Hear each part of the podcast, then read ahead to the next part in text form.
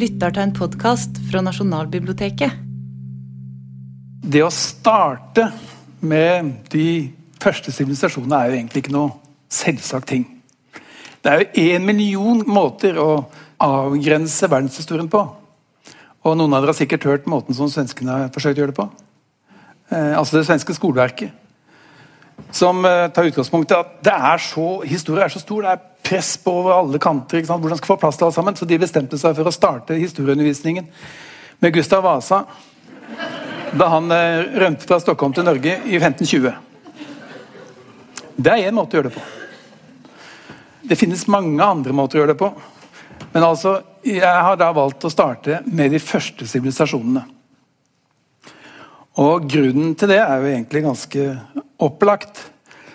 Det er jo at det var da en rekke fundamentale institusjoner opp, som staten, som presteskap, som hjulet, som språket altså Det var veldig veldig mange ting som ble etablert i menneskesamfunnet for første gang under de første sivilisasjonene. Så det er én god grunn til å starte med dem.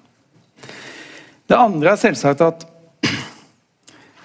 å starte med en historie som er ja, 5000 år gammel, det er å starte med en historie som umiddelbart bryter ut av en sånn plump, gammeldags eurosentrisme.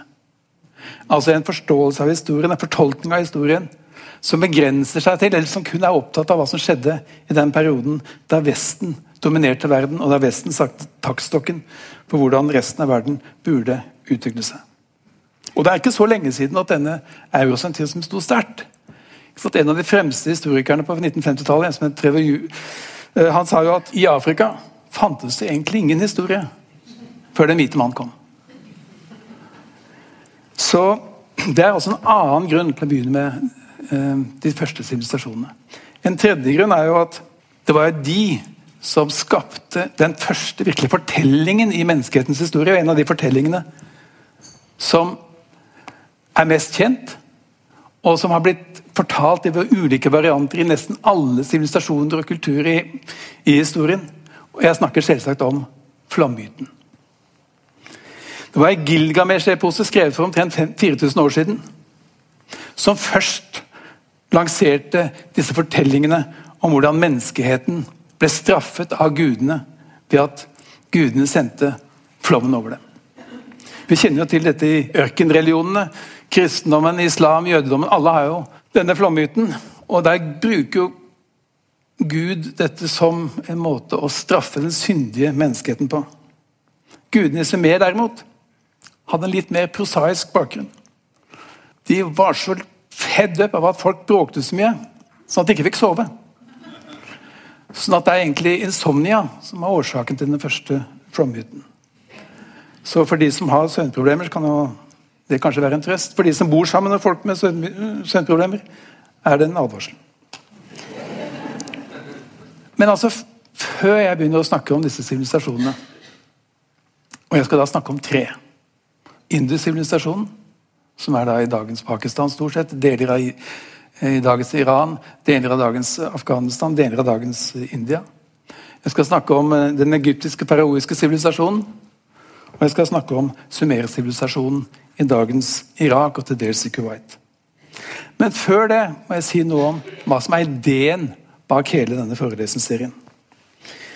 Og hva er egentlig poenget med å ha en forelesningsserie eller foredragsserie om verdenshistorie? Og sånn som jeg ser det, så ser jeg to viktige, aktuelle argumenter for hvorfor verdenshistorie er viktig. Og hvorfor det Man kan kanskje ikke si at det er viktigere enn noensinne, men det er i hvert fall veldig viktig nå. Og Det ene er jo selvsagt globaliseringen. Den gjør alle til verdensborgere på et eller annet vis. Den nasjonale historien blir ikke mindre viktig enn før, men den er ikke tilstrekkelig. Fordi at den politiske ledelsen, også i Norge, blir jo daglig tvunget til å ta stilling til en rekke politiske spørsmål rundt om i verden her, hvor historien spiller en veldig stor rolle. Nå sist f.eks. konflikten mellom Tyrkia og kurderne. Du kan ikke forstå den uten å forstå historien. Og Det samme gjelder jo konflikten eller Norges rolle i Libya. Man kunne ikke forstå Man burde i hvert fall ha forstått bedre hva som var Libyas historie før man gikk inn og gjorde det man gjorde. Norge søker nå om å bli eh, fast medlem, medlem av Sikkerhetsrådet. Det er klart at Da vil Norge som stat bli tvunget til å formulere meninger om en rekke spørsmål av dyp historisk karakter og av dyp verdenshistorisk karakter. For det andre så er det sånn at som en del av denne globaliseringen så har Norge også blitt trukket inn i globale migrasjonsbevegelsene. sånn at Norge som stat og Norge som land har jo blitt radikalt endret i løpet av de siste tiårene med hensyn til befolkningssammensetningen. Nå finnes det jo plutselig, altså fra å være et av de mest homogene landene i verden, så er det nå i Norge folk fra omtrent 200 land. Omtrent 17% av befolkningen er innvandrere eller født av foreldre med innvandrerbakgrunn. Altså nærmere en million.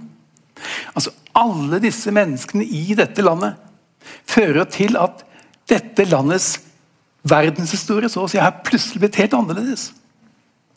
Altså, Bakgrunnen til de som kommer fra Pakistan, bakgrunnen til de som kommer fra Somalia, bakgrunnen til de som kommer fra Irak og Syria, det har nå blitt en del av, denne, av dette landets historie.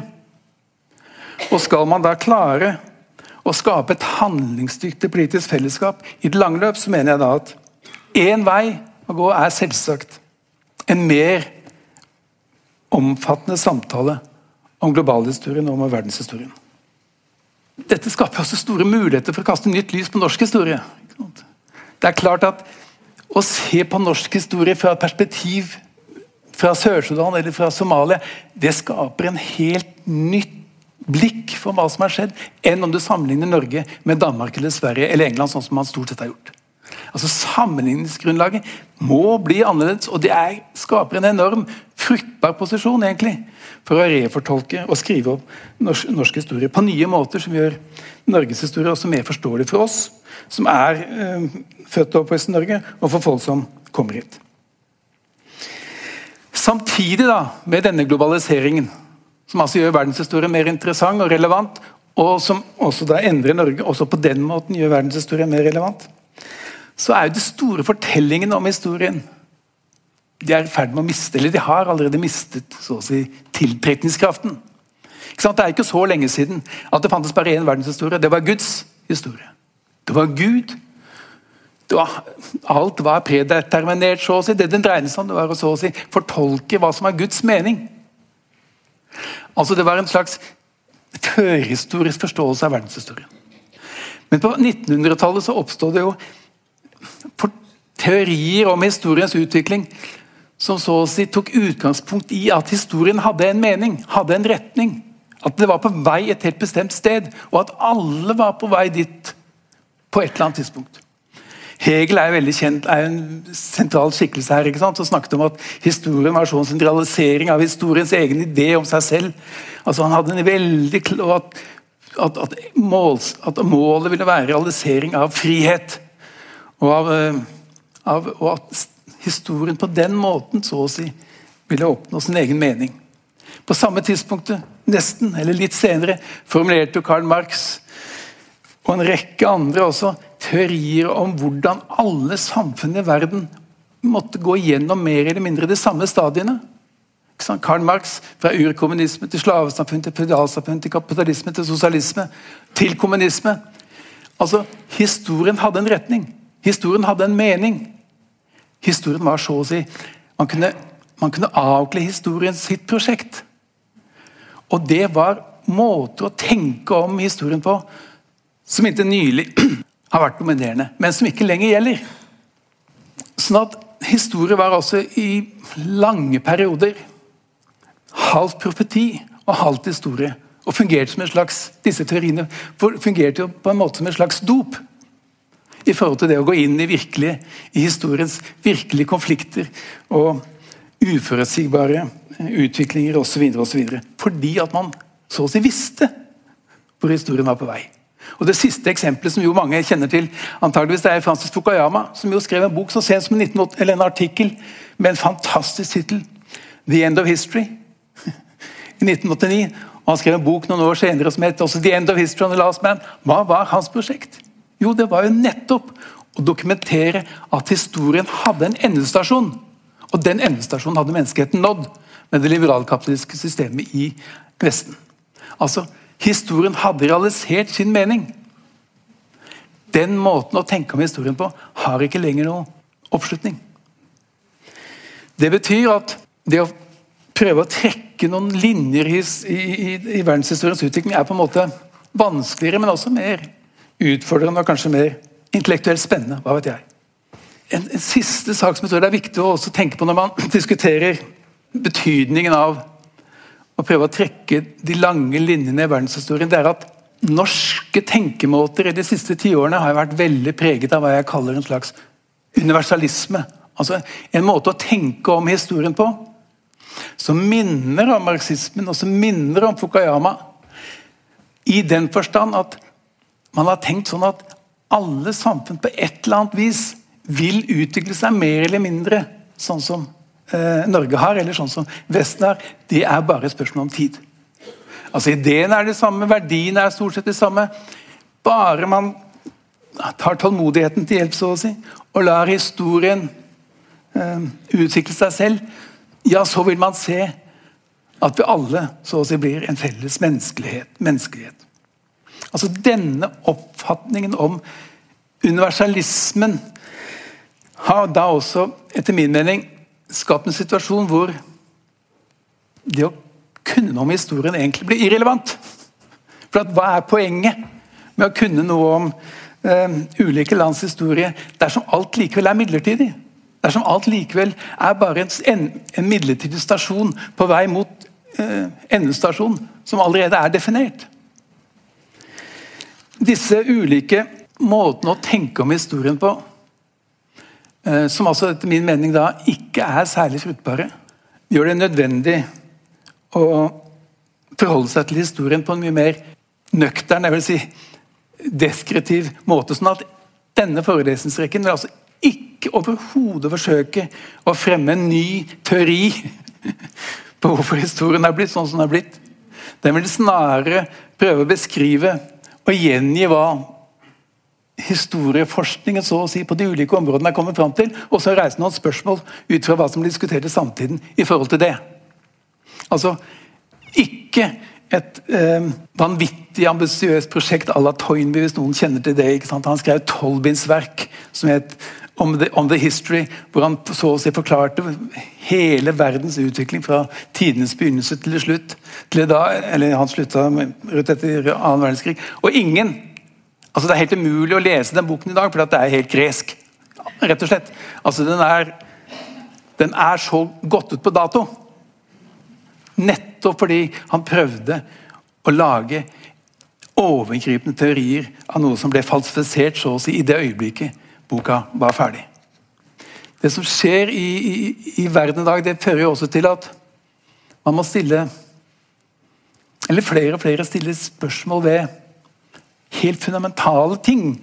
Og det har sammenheng med for det første at Vestens posisjon som dominerende maktsentrum eller sivilisasjon eller kulturkrets den er i ferd med å bli svekket og kanskje også bli overtatt av Kina eller Asia. I hvert fall er det noe som hele tiden blir diskutert i offentligheten. Altså det et, hvis, det er, hvis, dette er rett, så er jo dette selvsagt et vendepunkt i historien av gigantiske proporsjoner. Fordi at siden 1500-tallet så har Vesten vært den dominerende sivilisasjonen, den dominerende kulturen, og har vært de som har satt taktstokken. Er dette noe i ferd med å endres? Ja, Hvis dette er i ferd med å endres, vel, da må man stille nye spørsmål ved periodiseringen av historien, ved begrepsbruk som man har brukt når det gjelder å prøve å analysere historien, og en rekke andre ting. Altså, Man må rett og slett tenke nytt. Og Det betyr jo også at det er skapt en situasjon hvor veldig mange er veldig opptatt av å trekke nye eh, lærdommer av historien, eller lage nye modeller av historien, fordi at grunnlaget er så å si i bevegelse. Det er det ene. Og det andre er jo at klimakrisen, som veldig mange er opptatt av, og som veldig mange snakker om, beskriver jo menneskeheten som om den er på kanten av stupet. Og hvis menneskeheten er på kanten av stupet, ja, da må man jo selvsagt stille helt nye spørsmål til historien.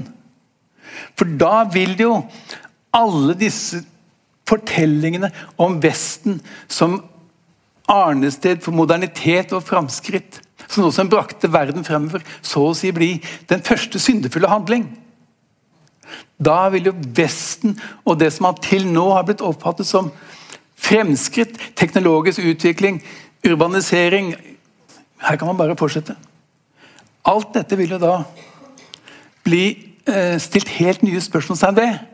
Fordi at er det ikke det? Er det ikke på en måte den moderne verdens framvekst? Er det ikke den industrielle revolusjonen? Er det ikke alt det som førte til at verden i dag er på kanten av stupet? Sånne spørsmål vil tvinge seg fram. Så hva, hvordan avgrenser jeg dette, da? det er ikke lett. Men da, altså, da har jeg en bakgrunn. Og min bakgrunn er at jeg startet som utviklingsforsker. Hva betyr det? Jo, det betyr at vi drev og prøvde å finne ut hvorfor var det sånn at det var noen land i Afrika og Asia som utviklet seg, og ikke andre. Ikke altså, samtidshistorie i endte potens. Og Da fant vi ut at ja, det var noen land, f.eks. de asiatiske tigrene, som Korea, Sør-Korea, som Taiwan, som Malaysia, som utviklet seg voldsomt, mens land i Afrika ble hengende etter. Hva skyldtes det? Og i hvert fall Jeg oppdaget da veldig raskt at disse teoriene som da var dominerende om hvordan man skulle forklare dette, de holdt ikke. De var altfor samtidsorienterte.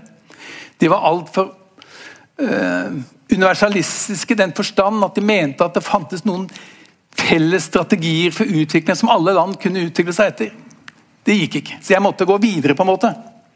Og Da ble det jo veldig naturlig å si ikke, ikke, lenger være så opptatt av hvorfor, land, hvorfor land ikke utviklet seg, men hvorfor i all verden var det sånn at det var noen land som virkelig var i stand til å forlate jordbrukssivilisasjonens tidsalder og gå inn i den industrielle tidsalder. Altså, hvorfor var det sånn at Vest-Europa, særlig med England i spissen, lyktes i å gjennomføre den industrielle revolusjonen på, på slutten av 1700-tallet og begynnelsen av 1800-tallet? For meg ble det, det et veldig naturlig spørsmål oppfølgingsspørsmål. ikke sant? Altså Ikke så opptatt av hvorfor land ikke utviklet seg, men hvorfor var det noen, noen land som faktisk lyktes i å løfte seg opp etter håret og bryte ut av jordbrukssivilisasjonens stengsler. Så kom jeg da inn i en svor, og Det er dette jeg holder på med nå, egentlig, sånn forskningsmessig. Jeg prøver å finne ut hva var det som skjedde i denne perioden, fra 1500 til 1820. Det er det som er min hovedforelesning i løpet av denne seminarrekken. Det er det som jeg er aller mest opptatt av. Hva var det som skjedde da? Men i det forsøket på å forstå hva som skjedde ved det moderne verdens framvekst, så ble det jo også veldig naturlig å stille spørsmål ja, men hvorfor var det sånn at ikke Asia lyktes. Hvorfor lyktes ikke Kina? Hvorfor lyktes ikke disse klassiske oldtidssivilisasjonene i Semer og i Indus med å utvikle seg? I og med at de jo først, tross alt var først. Hvorfor var det sånn at ikke Hvorfor, det, hvorfor, hvorfor, hvorfor kunne ikke Sumer eller Irak eller Egypt ta dette lederskapet som engelskmennene og Europa gjorde på 1700-tallet? Og Det er egentlig derfor jeg står her. Det er det som førte til at jeg ble interessert i denne, disse klassiske sivilisasjonene. fordi at egentlig så er jeg ikke noe særlig nostalgisk orientert. Og jeg er egentlig ikke så veldig interessert i dem heller. I utgangspunktet. Jeg er, min tilnærming til dette er først og fremst hva var det som skapte disse utviklingsprosessene som førte til at noen land faktisk var i stand til å bryte ut av jordbrukssivilisasjonens stengsler, som jeg sa, og inn i den industrielle tidsalder. Og da blir det å prøve å forstå de første sivilisasjonene viktig. Ok. Det er innledningen. Så er det. Eh, og så må jeg da si at jeg har da Historie kan være ekstremt kjedelig. Det vet jo alle. Eh, det var De som har lest Harry Potter, har hørt om han professor Binds. Han var så kjedelig at han døde uten at han merka det. Jeg skal altså ikke ha noen sånne eh, publikumsfrierier her i det hele tatt. Ikke noe film, ikke noe videoer, ikke noe lysbilder. Men jeg skal ha et kart. Og dette er da et kart av de fire klassiske sivilisasjonene. Dere ser Kina til, eh, helt i øst, Det kommer jeg tilbake til flere ganger. Neste gang i forbindelse med Ming-dynastiet, men også seinere når det gjelder diskusjonen om forholdet mellom USA, og Vesten og Kina i dag. Det er jo indus sivilisasjon. Og så er det Sumer, som da ligger i Der står det Mesopotamia. ikke sant? Mesopotamia er jo det navnet for eh, landet mellom de to elvene. Eufrat og Tigris. Og så har du da i, i vest der eh, egyptiske sivilisasjonen langs med Nilen. Og dette er da på et tidspunkt etter at jordbruksrevolusjonen hadde seiret. ikke sant? Folk hadde begynt å dyrke planter, hadde begynt å domestisere eh, dyr. Sånn at de hadde blitt bofaste. Det som var det nye her, det var altså ikke at de begynte med jordbruk, men at de utviklet en sivilisasjon. Men så må man da si at eh, hva er en sivilisasjon? Det er det som er det slitsomme med å være forsker og historiker. og sånn. Man må hele tiden prøve å begrep, definere begrepene man bruker. Og ikke minst et begrep som sivilisasjon. For det finnes jo et utall ulike måter å definere sivilisasjon på. Historikere og antropologer har telt opp titalls. Og Jeg må da lese fra Bokmålsboka. Og dens definisjon av sivilisasjon, som jeg mener da er helt ubrukelig. Sivilisasjon er kultur, oftest brukt om den hvite rases kultur, i motsetning til naturfolks, og med særlig tanke på den tekniske og materielle utvikling. Altså en ekstremt normativ definisjon. Knyttet opp til den hvite rase. Og så står det videre sivilisasjon, og så bruker du da et bilde. Med misjonærene trengte sivilisasjonen fram i Afrika.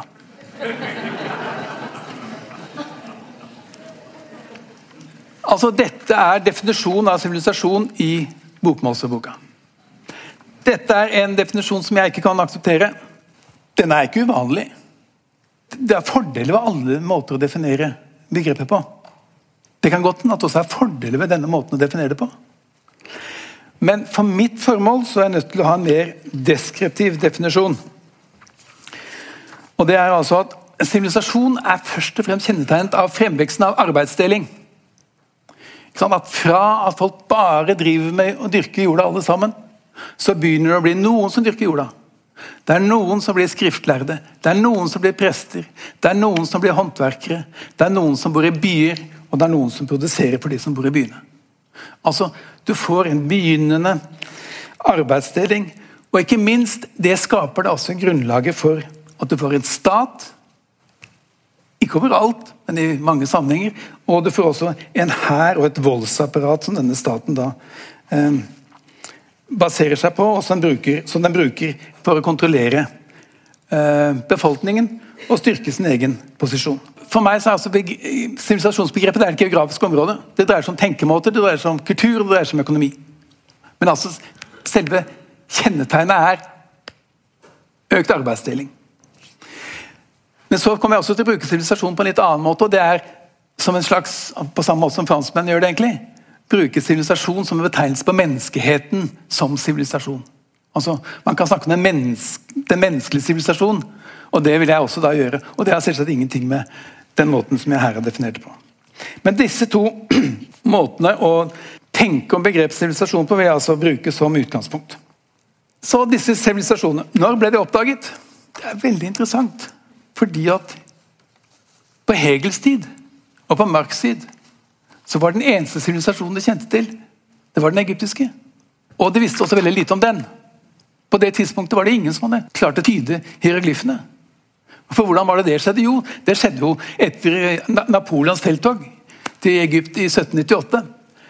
Napoleon var jo ekstremt opptatt av vitenskap, så han har brakt med seg en hel hær av vitenskapsfolk. Og så oppdaget da soldatene hans nede i Nildeltaet en stein med tre forskjellige språk på tre forskjellige skrifttegn på. Og her skjønte da franskmennene at aha, her er det kanskje en nøkkel, i og med at det er tre forskjellige språk.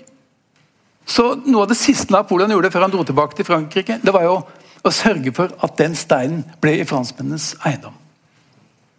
Men så kom jeg rett etterpå britene.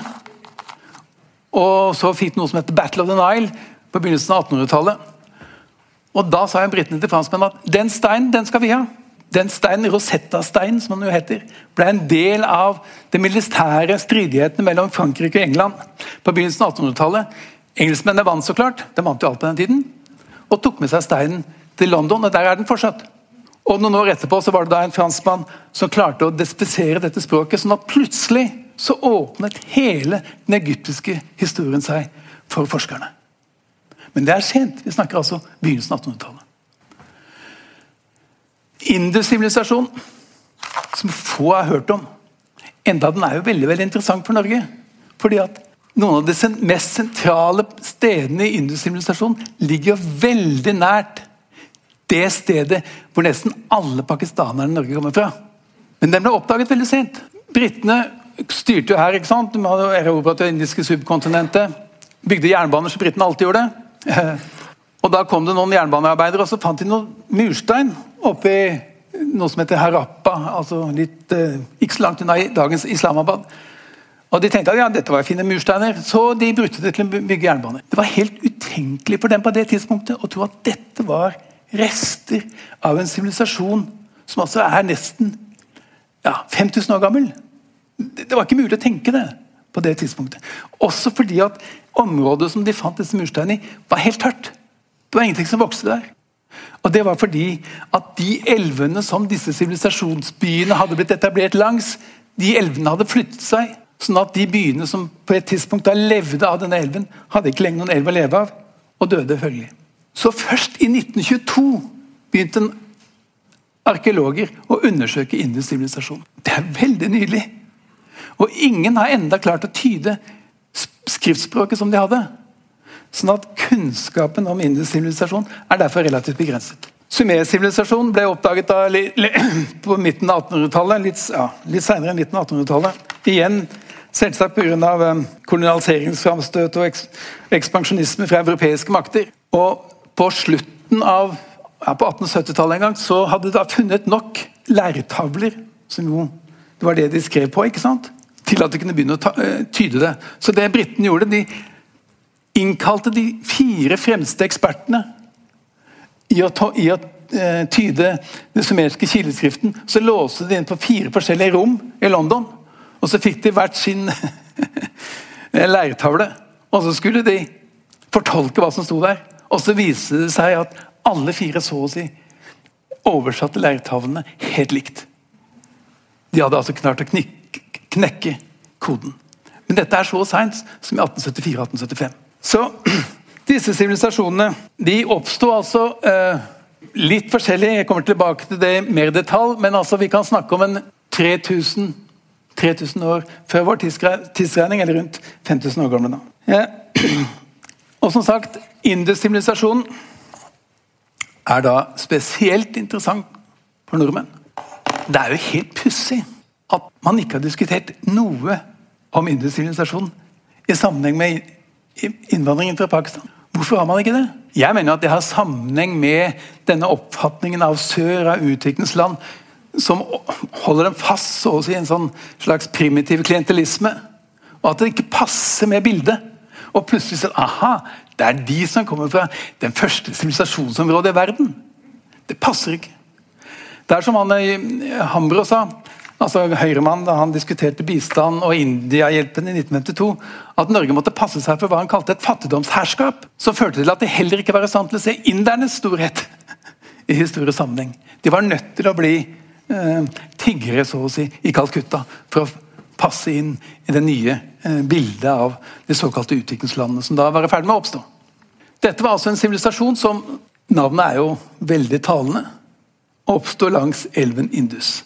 Det er helt flatt i dette området. Det er veldig varmt. Jeg var der og filmet en gang til Mohenjo-Daro. Altså, denne sivilisasjonen har to mest kjente byer. Den ene er Harappa. Ofte så kalles også sivilisasjonen Harappa-sivilisasjonen. Eller Harappa Mohenjo-Daro-sivilisasjonen. Det er den andre byen. Da vi var der, så var det 54 varmegrader, så kameraet streika. Og, og, og, og fra naturens side. Bortsett fra under monsunen. Veldig veldig tørt. Så det som var forutsetningen for at man kunne dyrke her, det var selvsagt at Indus kom med slam fra Himalaya, som er et veldig nytt fjell. og dermed tilfører det også disse elvene masse slam. ikke sant? For at uh, Steinstrukturen er veldig løs, sånn at det er veldig lett for vannet å, å, å, å rive løs sånne ting som da gjør jorda fruktbar i det lange løp. Og Dette var da en sivilisasjon som til forskjell fra de andre sivilisasjonene strakte seg utover et veldig stort område. Man snakker om rett og slett omtrent 1 million kvadratkilometer. Samtidig som det var et, en sivilisasjon, mener man Og her er det mye gjettearbeid. ikke sant? At det var en sivilisasjon uten et egentlig maktsentrum. Veldig forskjellig, som jeg skal snakke om senere, fra det faraoiske Egypt, hvor jo faraen var alt. Og også veldig forskjellig fra bystaten i Sumer.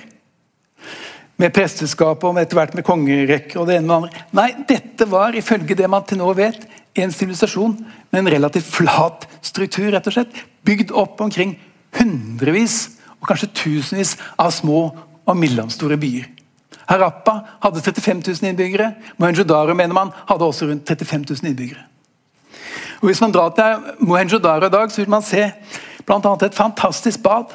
Og man vil se som Man har brukt det enten for rituelle mm, formål, eller fordi at man rett og slett likte å bade for at det var varmt der.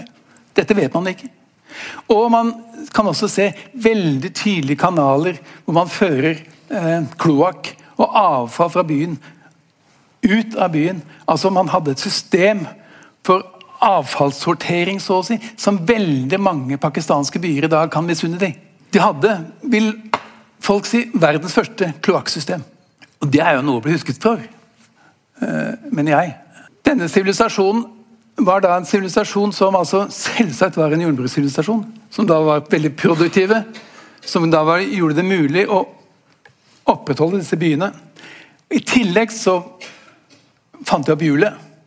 Mange mener at de fant opp hjulet relativt på egen hånd. altså at Dette var ikke et import fra Sumer, sånn som mange har ment tidligere. Nei, nyere forskning viser at industrialisasjonen så å si var i stand til å finne opp hjulet på egen hånd. Og Det er ikke så rart å skjønne bakgrunnen for det. for at Gitt at sivilisasjonen var så svær geografisk, og man hadde alle disse bysentrene, og man hadde masse jordbruksprodukter man måtte flytte fra et sted til annet, ja, så var det naturlig at man nettopp var i stand til å utvikle transportmidler som gjorde det mulig å transportere disse tingene over lange avstander. Hvilket innebar da at man også eh, etter hvert da fant opp hjulet. Det var her man først begynte å dyrke bomull. Da de hadde husdyr. Og et merkelig trekk også, vil mange si. Det var byer uten virkelig festningsverker. Og da har noen begynt å stille spørsmål, følgende spørsmål. Betyr det at dette var en sivilisasjon hvor krig var en sjeldenhet? Var dette en av de få sivilisasjoner i verden hvor byer ikke måtte forsvare seg mot andre byer? Fordi at de på et eller annet vis hadde klart å etablere et slags likeverdssystem som gjorde at det ikke fantes behov eller noe fornuft i å prøve å erobre eh, de andre byene. Også da fordi at det selvsagt ikke fantes en eh, samlende statsmakt som hadde det som statsbyggingsideologi. Men det de fleste forskere vil si, det er at 3300 år siden så forsvant denne sivilisasjonen ut av historien. Så hvorfor forsvant den ut av historien? Og Dette er også interessant i forhold til alle disse teoriene om at alle sivilisasjoner kan sammenlignes så å si med eh, eh, en slags biologisk prosess hvor alt blir født, det vokser, det blir modent, alderdom, og så dør det. Det er den klassiske eh, eh, teorien så å si, om sivilisasjoners vekst og fall, som ble fremmet første gang når man begynte å studere Romerrikets historie, og som har dukket opp igjen og igjen og igjen, og som ikke minst har fått ny eh, aktualitet i de siste tiårene. Fordi at mange har snakket om det britiske imperiets nødvendige vekst og fall, og også det amerikanske imperiets nødvendige vekst og fall. Det er ikke så lenge siden eh, det ble skrevet bøker som ikke lenger er så i vinden, men om at The American Empire was over. The fall of the American Empire. Bygd på veldig mange av de samme biologiske metaforene om hvordan samfunn må utvikle seg i en sånn eh, prosess fra fødsel til vekst, til eh, vokster, til modenhet og til kollaps. Så Det betyr også at den industrialisasjonen har blitt fortolket i det mønsteret. Og man har pekt på også Var det sånn at det kom, eh, inn, eh, kom inntrengere fra nord, altså særlig fra Kaukasus-området, og jagde så å si de som bodde i industrialisasjonen, vekk fra sine kjerneområder? Dette er også teorier som har sine tilhengere. Men, som, men den forklaringen som vel, jeg vil påstå i de senere årene har fått mer og mer støtte, det er at man har pekt på endringer i klima og endringer i måten elvene renner på. Altså Man har snakket om skjedde det en flomkatastrofe. Noen mener at det var en periode på 200 år med tørke. Det er en teori som akkurat har kommet opp, som veldig mange stiller seg kritisk til. Men det som de aller, aller fleste er enige om, det er at det som i hvert fall antageligvis skjedde, det var at elvene som jeg sa, endret løp. Byen Harappa den lå opprinnelig ved en elv, og den elven som den lå ved, den flyttet på seg. Fordi at India og Pakistan er historisk blitt beskrevet som kontinentet for, for, for de forlatte elvene. Pga. at det er så flatt der, og pga. at elvene fører så mye slam, så har det jo selvsagt en tendens til å meandrere hele tiden. Og dermed også at det fjerner seg fra de byene de, de opprinnelig var med på å etablere. Indus flyttet seg. Hvis man nå drar til eh, Mohenjo-Dara, så ser man at Indus renner langt unna der byen ligger. Og Harappa som sagt, har ikke lenger noen, dy, noen elv ved siden av seg, fordi at den elven som den opprinnelig hadde ved siden av seg, ble, ble, ble, ble erobret av en annen elv, og dermed endret løp. Den største ansamlingen av mennesker, av mennesker på kloden er jo da hinduene går til det hellige bad i Allahabad. Og hva er det som skjer der? Jo, der møtes de tre hellige elvene. Ganges, Yamuna og den hellige elven fra himmelen, som er Sarasvati. Inntil nå har man trodd at det har vært kun en myte. Men det man har oppdaget nå i de senere årene, det er at denne elven Sarasvati faktisk eksisterte, og at industrialisasjonen lå langs den spredder. Igjen et uttrykk for at disse elvenes karakter i industrialisasjonen på den ene siden altså var med på å gjøre den, denne sivilisasjonen mulig. Var forutsetningen for at de kunne produsere det jordbruksoverskuddet som var urbaniseringens eh, grunnlag. Men at de samme elvene sviktet den sivilisasjonen de hadde lagt grunnlag for opprinnelig. Altså ikke en nødvendig eh, prosess, men en hendelse som fant sted pga. menneskets forhold til naturen. Og denne naturens helt spesielle karakter. Det var indusivilisasjonen. Den neste sivilisasjonen er da sumersivilisasjonen. Den er sikkert mer kjent. Men igjen er det jo også et merkelig sted hvis man tenker på hvorfor ble akkurat dette valgt? Eller hvorfor ble akkurat dette stedet det området hvor historien startet, ifølge mange? Det er en fyr som heter Kramer, som er liksom den store sumerforskeren, som skrev en fantastisk kjent bok som sa at 'Where history started', og 'Where history began', i Sumer. Og igjen, det er jo ganske rart, fordi at det er jo ikke noe der.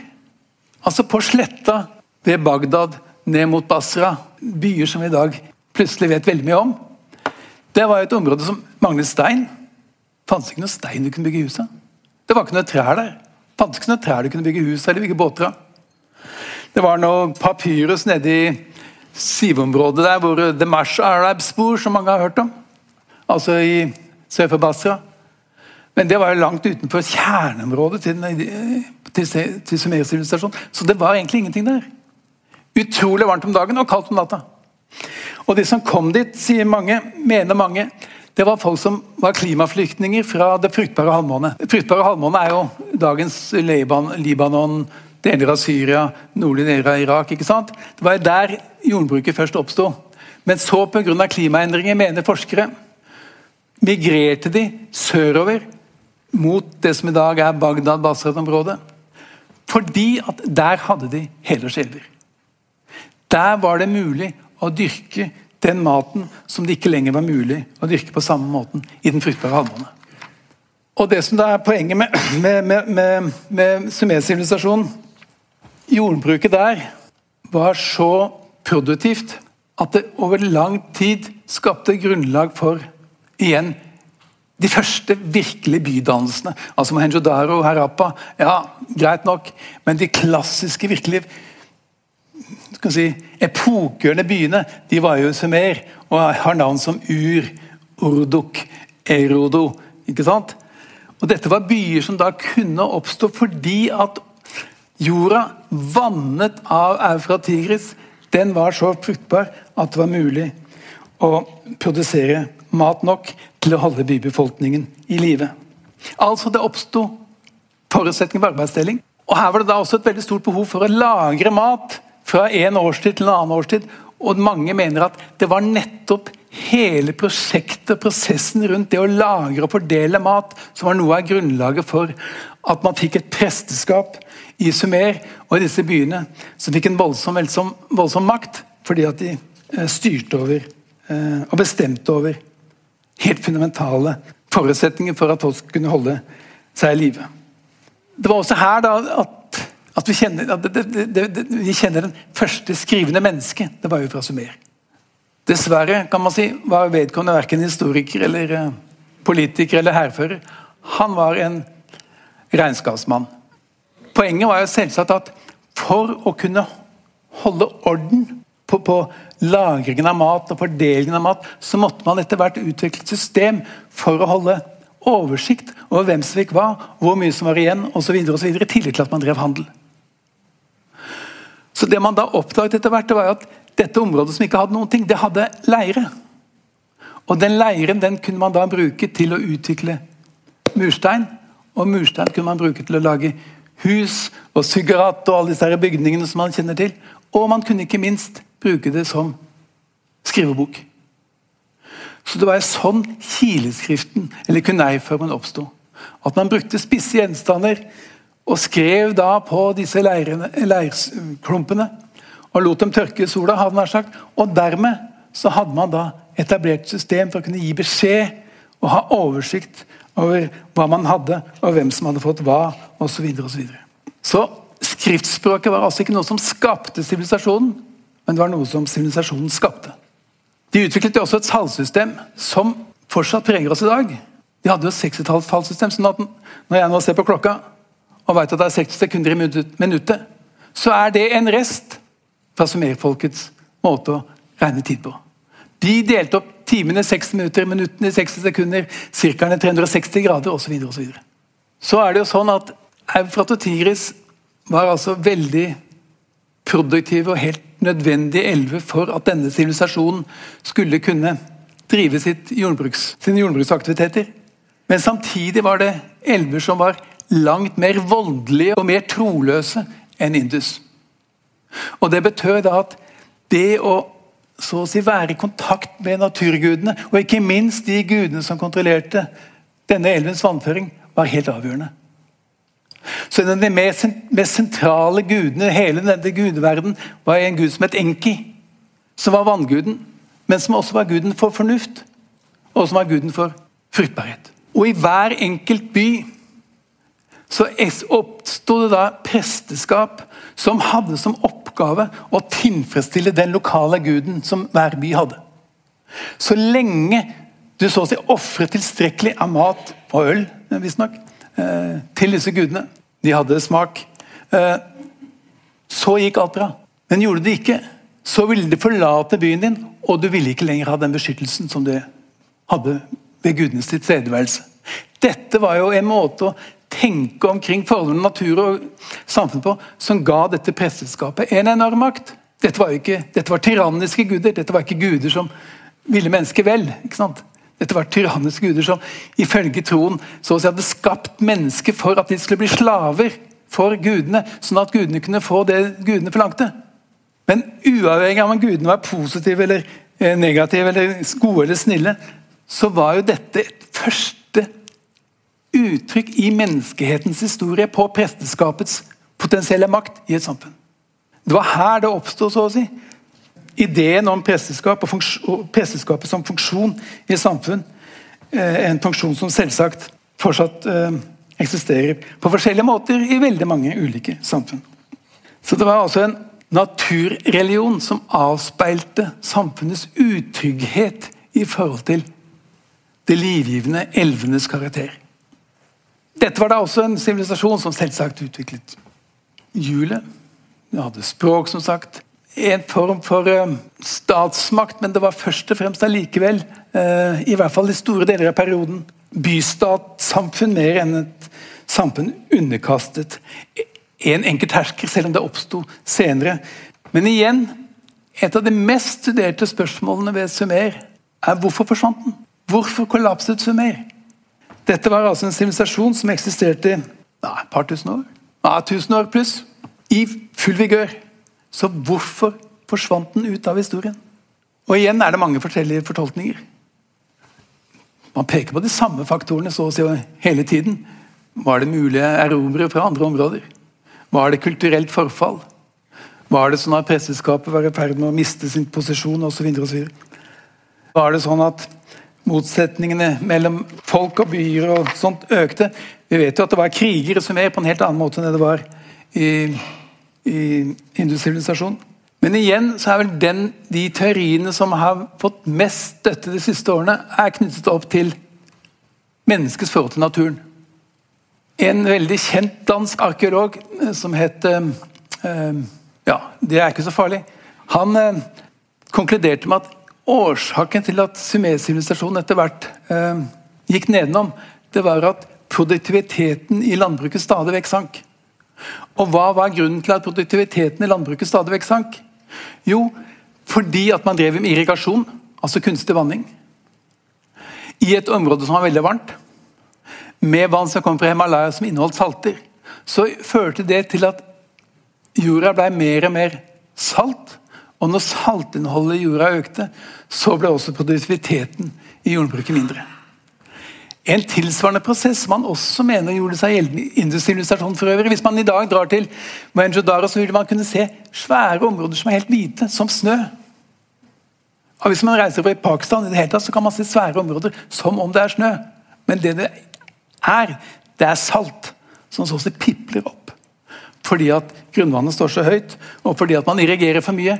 Og pga. varmen kombinert med fordampning så fører det til at det blir produsert den type salt. Og det er klart at I et sånt jordsmonn så er ikke lenger jordbruket så produktivt som det opprinnelig var. Torkel Jacobsen het han forresten, eh, hvis noen savner navnet. Eh, han har for øvrig en annen historie som er litt artig, fra, som belyser og understreker hvor voldelig disse elvene Han var ved, i Bagdad en gang, og så plutselig så han at der kommer elva mot den.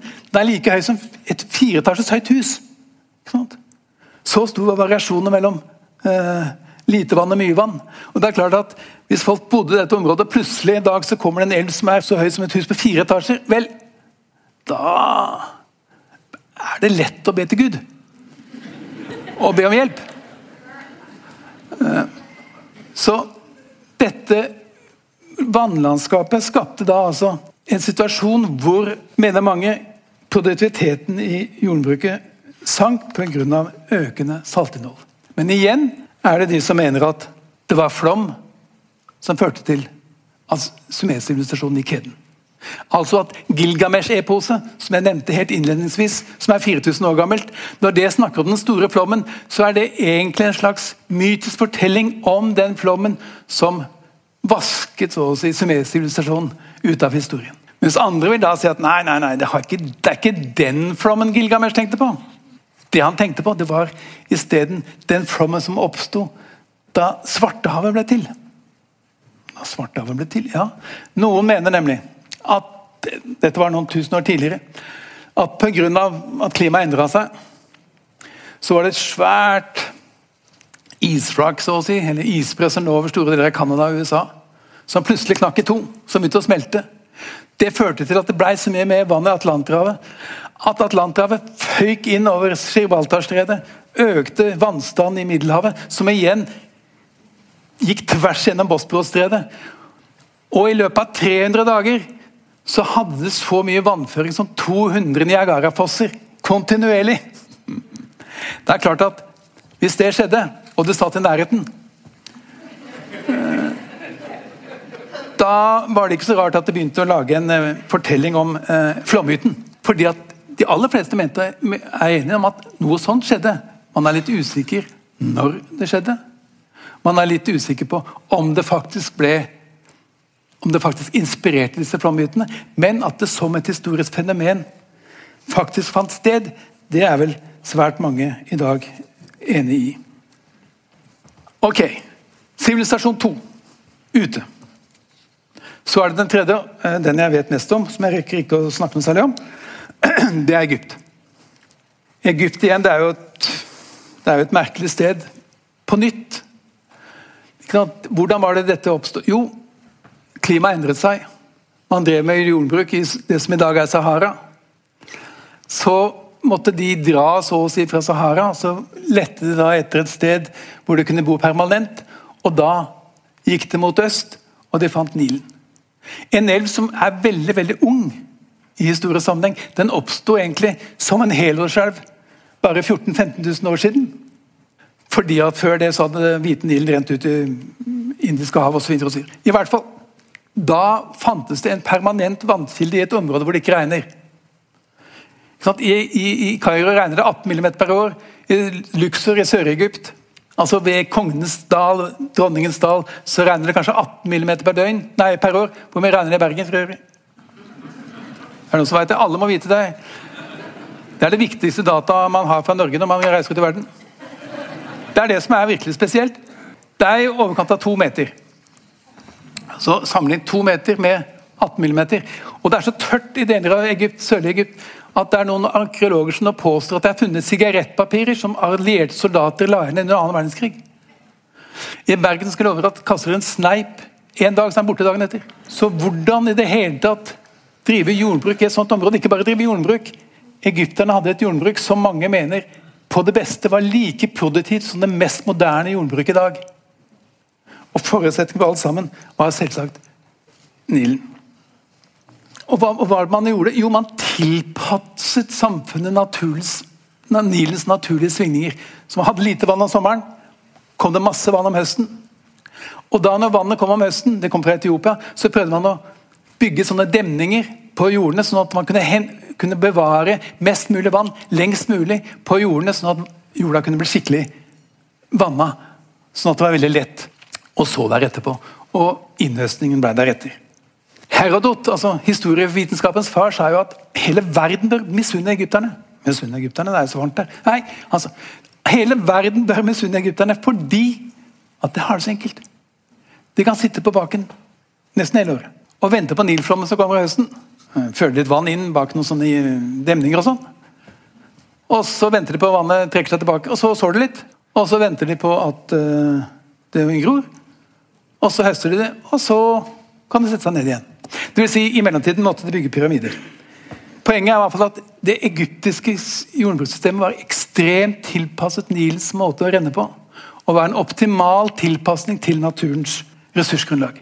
For herskerne da, Å kjenne Nilen ble helt sentralt. Det var derfor de utviklet disse, disse nilometerne. som dere sikkert har hørt om. Nilometerne de målte jo hvor høyt på en målestav flommen kom. Og på det grunnlaget kunne faraoen det neste året bestemmer skattegrunnlaget for bøndene. Hvordan var det mulig? Jo, fordi at alle andre innsatsfaktorer var stabile. Sola skinte. Jorda var fruktbar. For den hadde blitt gjødsla med slam fra Etiopia tusenvis av år. ikke sant? Det eneste usikkerhetsfaktoren var hvor mye vann. Så når det sto så og så høyt på den målestaven, så sa faraoen ok, neste år betaler dere det og det. Altså, Det skapte grunnlag for en uhyre effektiv statsmakt. I tillegg så var det sånn at i og med at alle varene måtte transporteres på Nilen, for ellers er det jo bare ørken. Så Det betød også at faraoen veldig tidlig og veldig effektivt kunne kontrollere mesteparten av handelen i landet. Og dermed selvsagt også skaffe seg ekstra ressurser. Herskeren i Egypt hadde dermed også relativt lett. Det var ikke bare bønn, hvis man kan bruke de ordene. Sånn at Det innebar da at over tid så var dette et jordbrukssystem som pga. sin optimale tilpasning til Nilens måte å renne på, og du hadde da et naturlig system på vanning og gjødsling, skapte et jordbruk som var så produktivt at det kunne opprettholde og bygge en faraoisk statsadministrasjon som var så effektiv, og som hadde så store ressurser at det kunne gå inn for disse enorme, forferdelige bygningene som heter pyramidene. Som jo var på en måte et slags gravkamre for, eh, for eh, faraoen. Men ikke bare gravkammeret. Han måtte jo komme seg til pyramidene umiddelbart etter at han døde. Krysse elva for å kunne ha muligheten for å, for å oppnå gjenfølelse evig, evig liv. Igjen så er Det sånn da at det er en diskusjon blant historikere. Var det sånn at alle disse sivilisasjonene påvirket hverandre? Ja. Men hvor stor grad påvirket de hverandre? I hvor stor grad var det sånn at Egypt utviklet seg på egen hånd? Og i hvor stor grad var det sånn at Indus-sivilisasjonen utviklet seg på egen hånd? Og Her er forskerne uenige, men det er jo ganske mange som nå etter hvert mener at ja, selvsagt var det diffusjon mellom de ulike, og særlig med utgangspunkt i Sumer. Men både Egypt og industrialisasjonen utviklet seg likevel på veldig mange områder helt separat og uavhengig av hva som skjedde i Sumer-sivilisasjonen.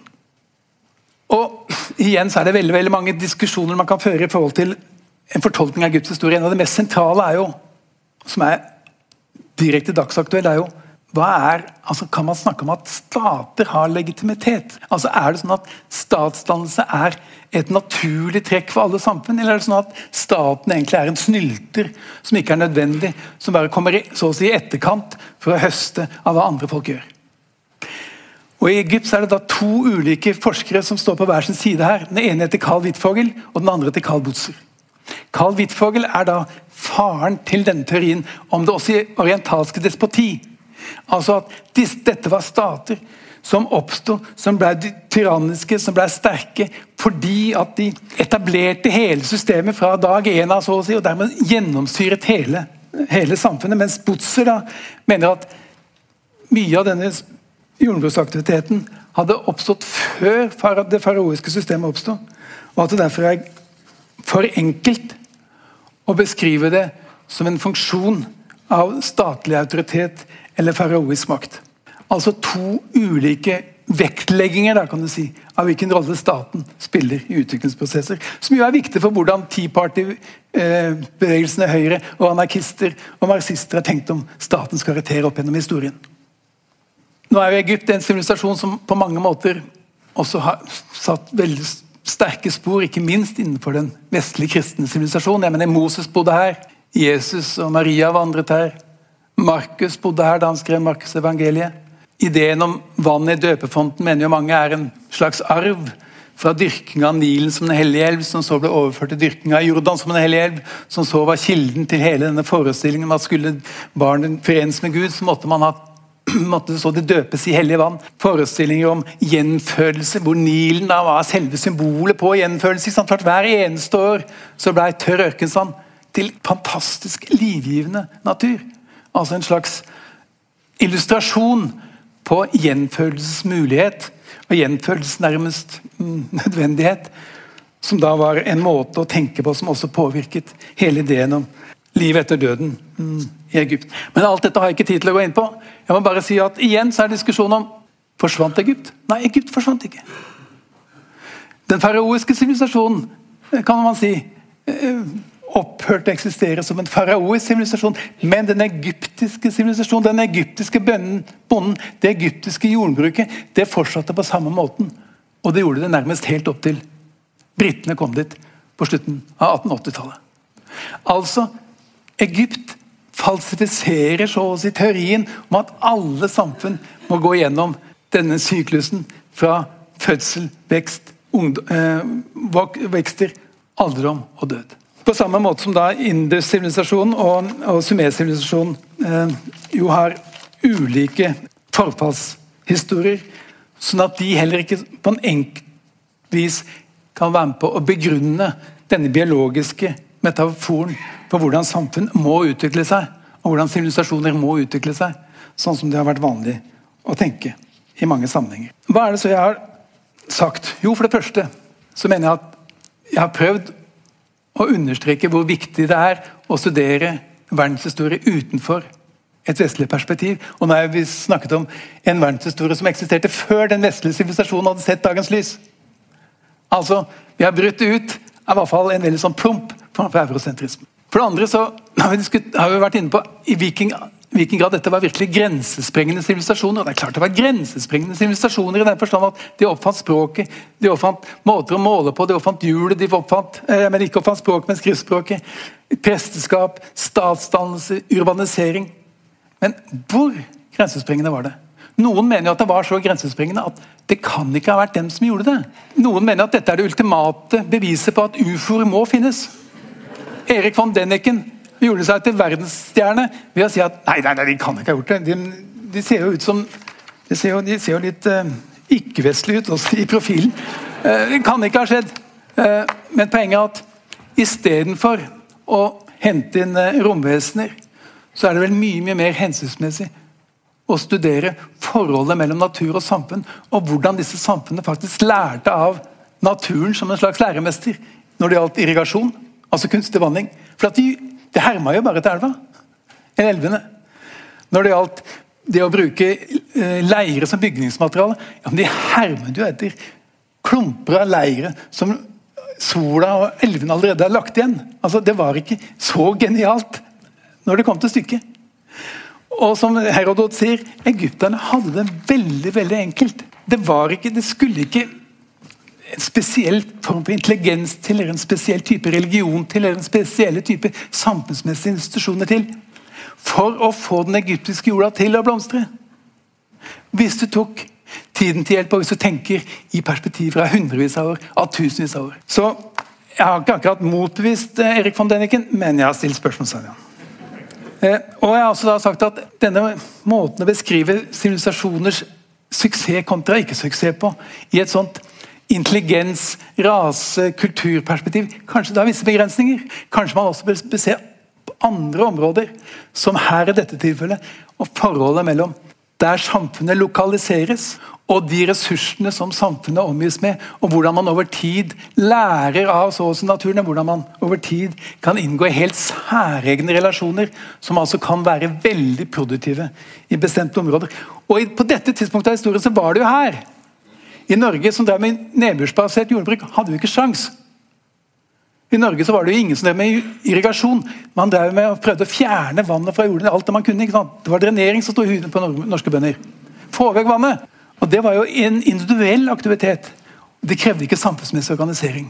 Irrigasjon krever samfunnsmessig organisering. Du er nødt til å samarbeide for å få det til. Du er nødt til å ha enten en kommune, hadde sagt, en landsby, en, en by eller en stat. Og Jeg altså da gjentatte ganger kommer tilbake til hele den diskusjonen om hvorfor samfunnet forsvant.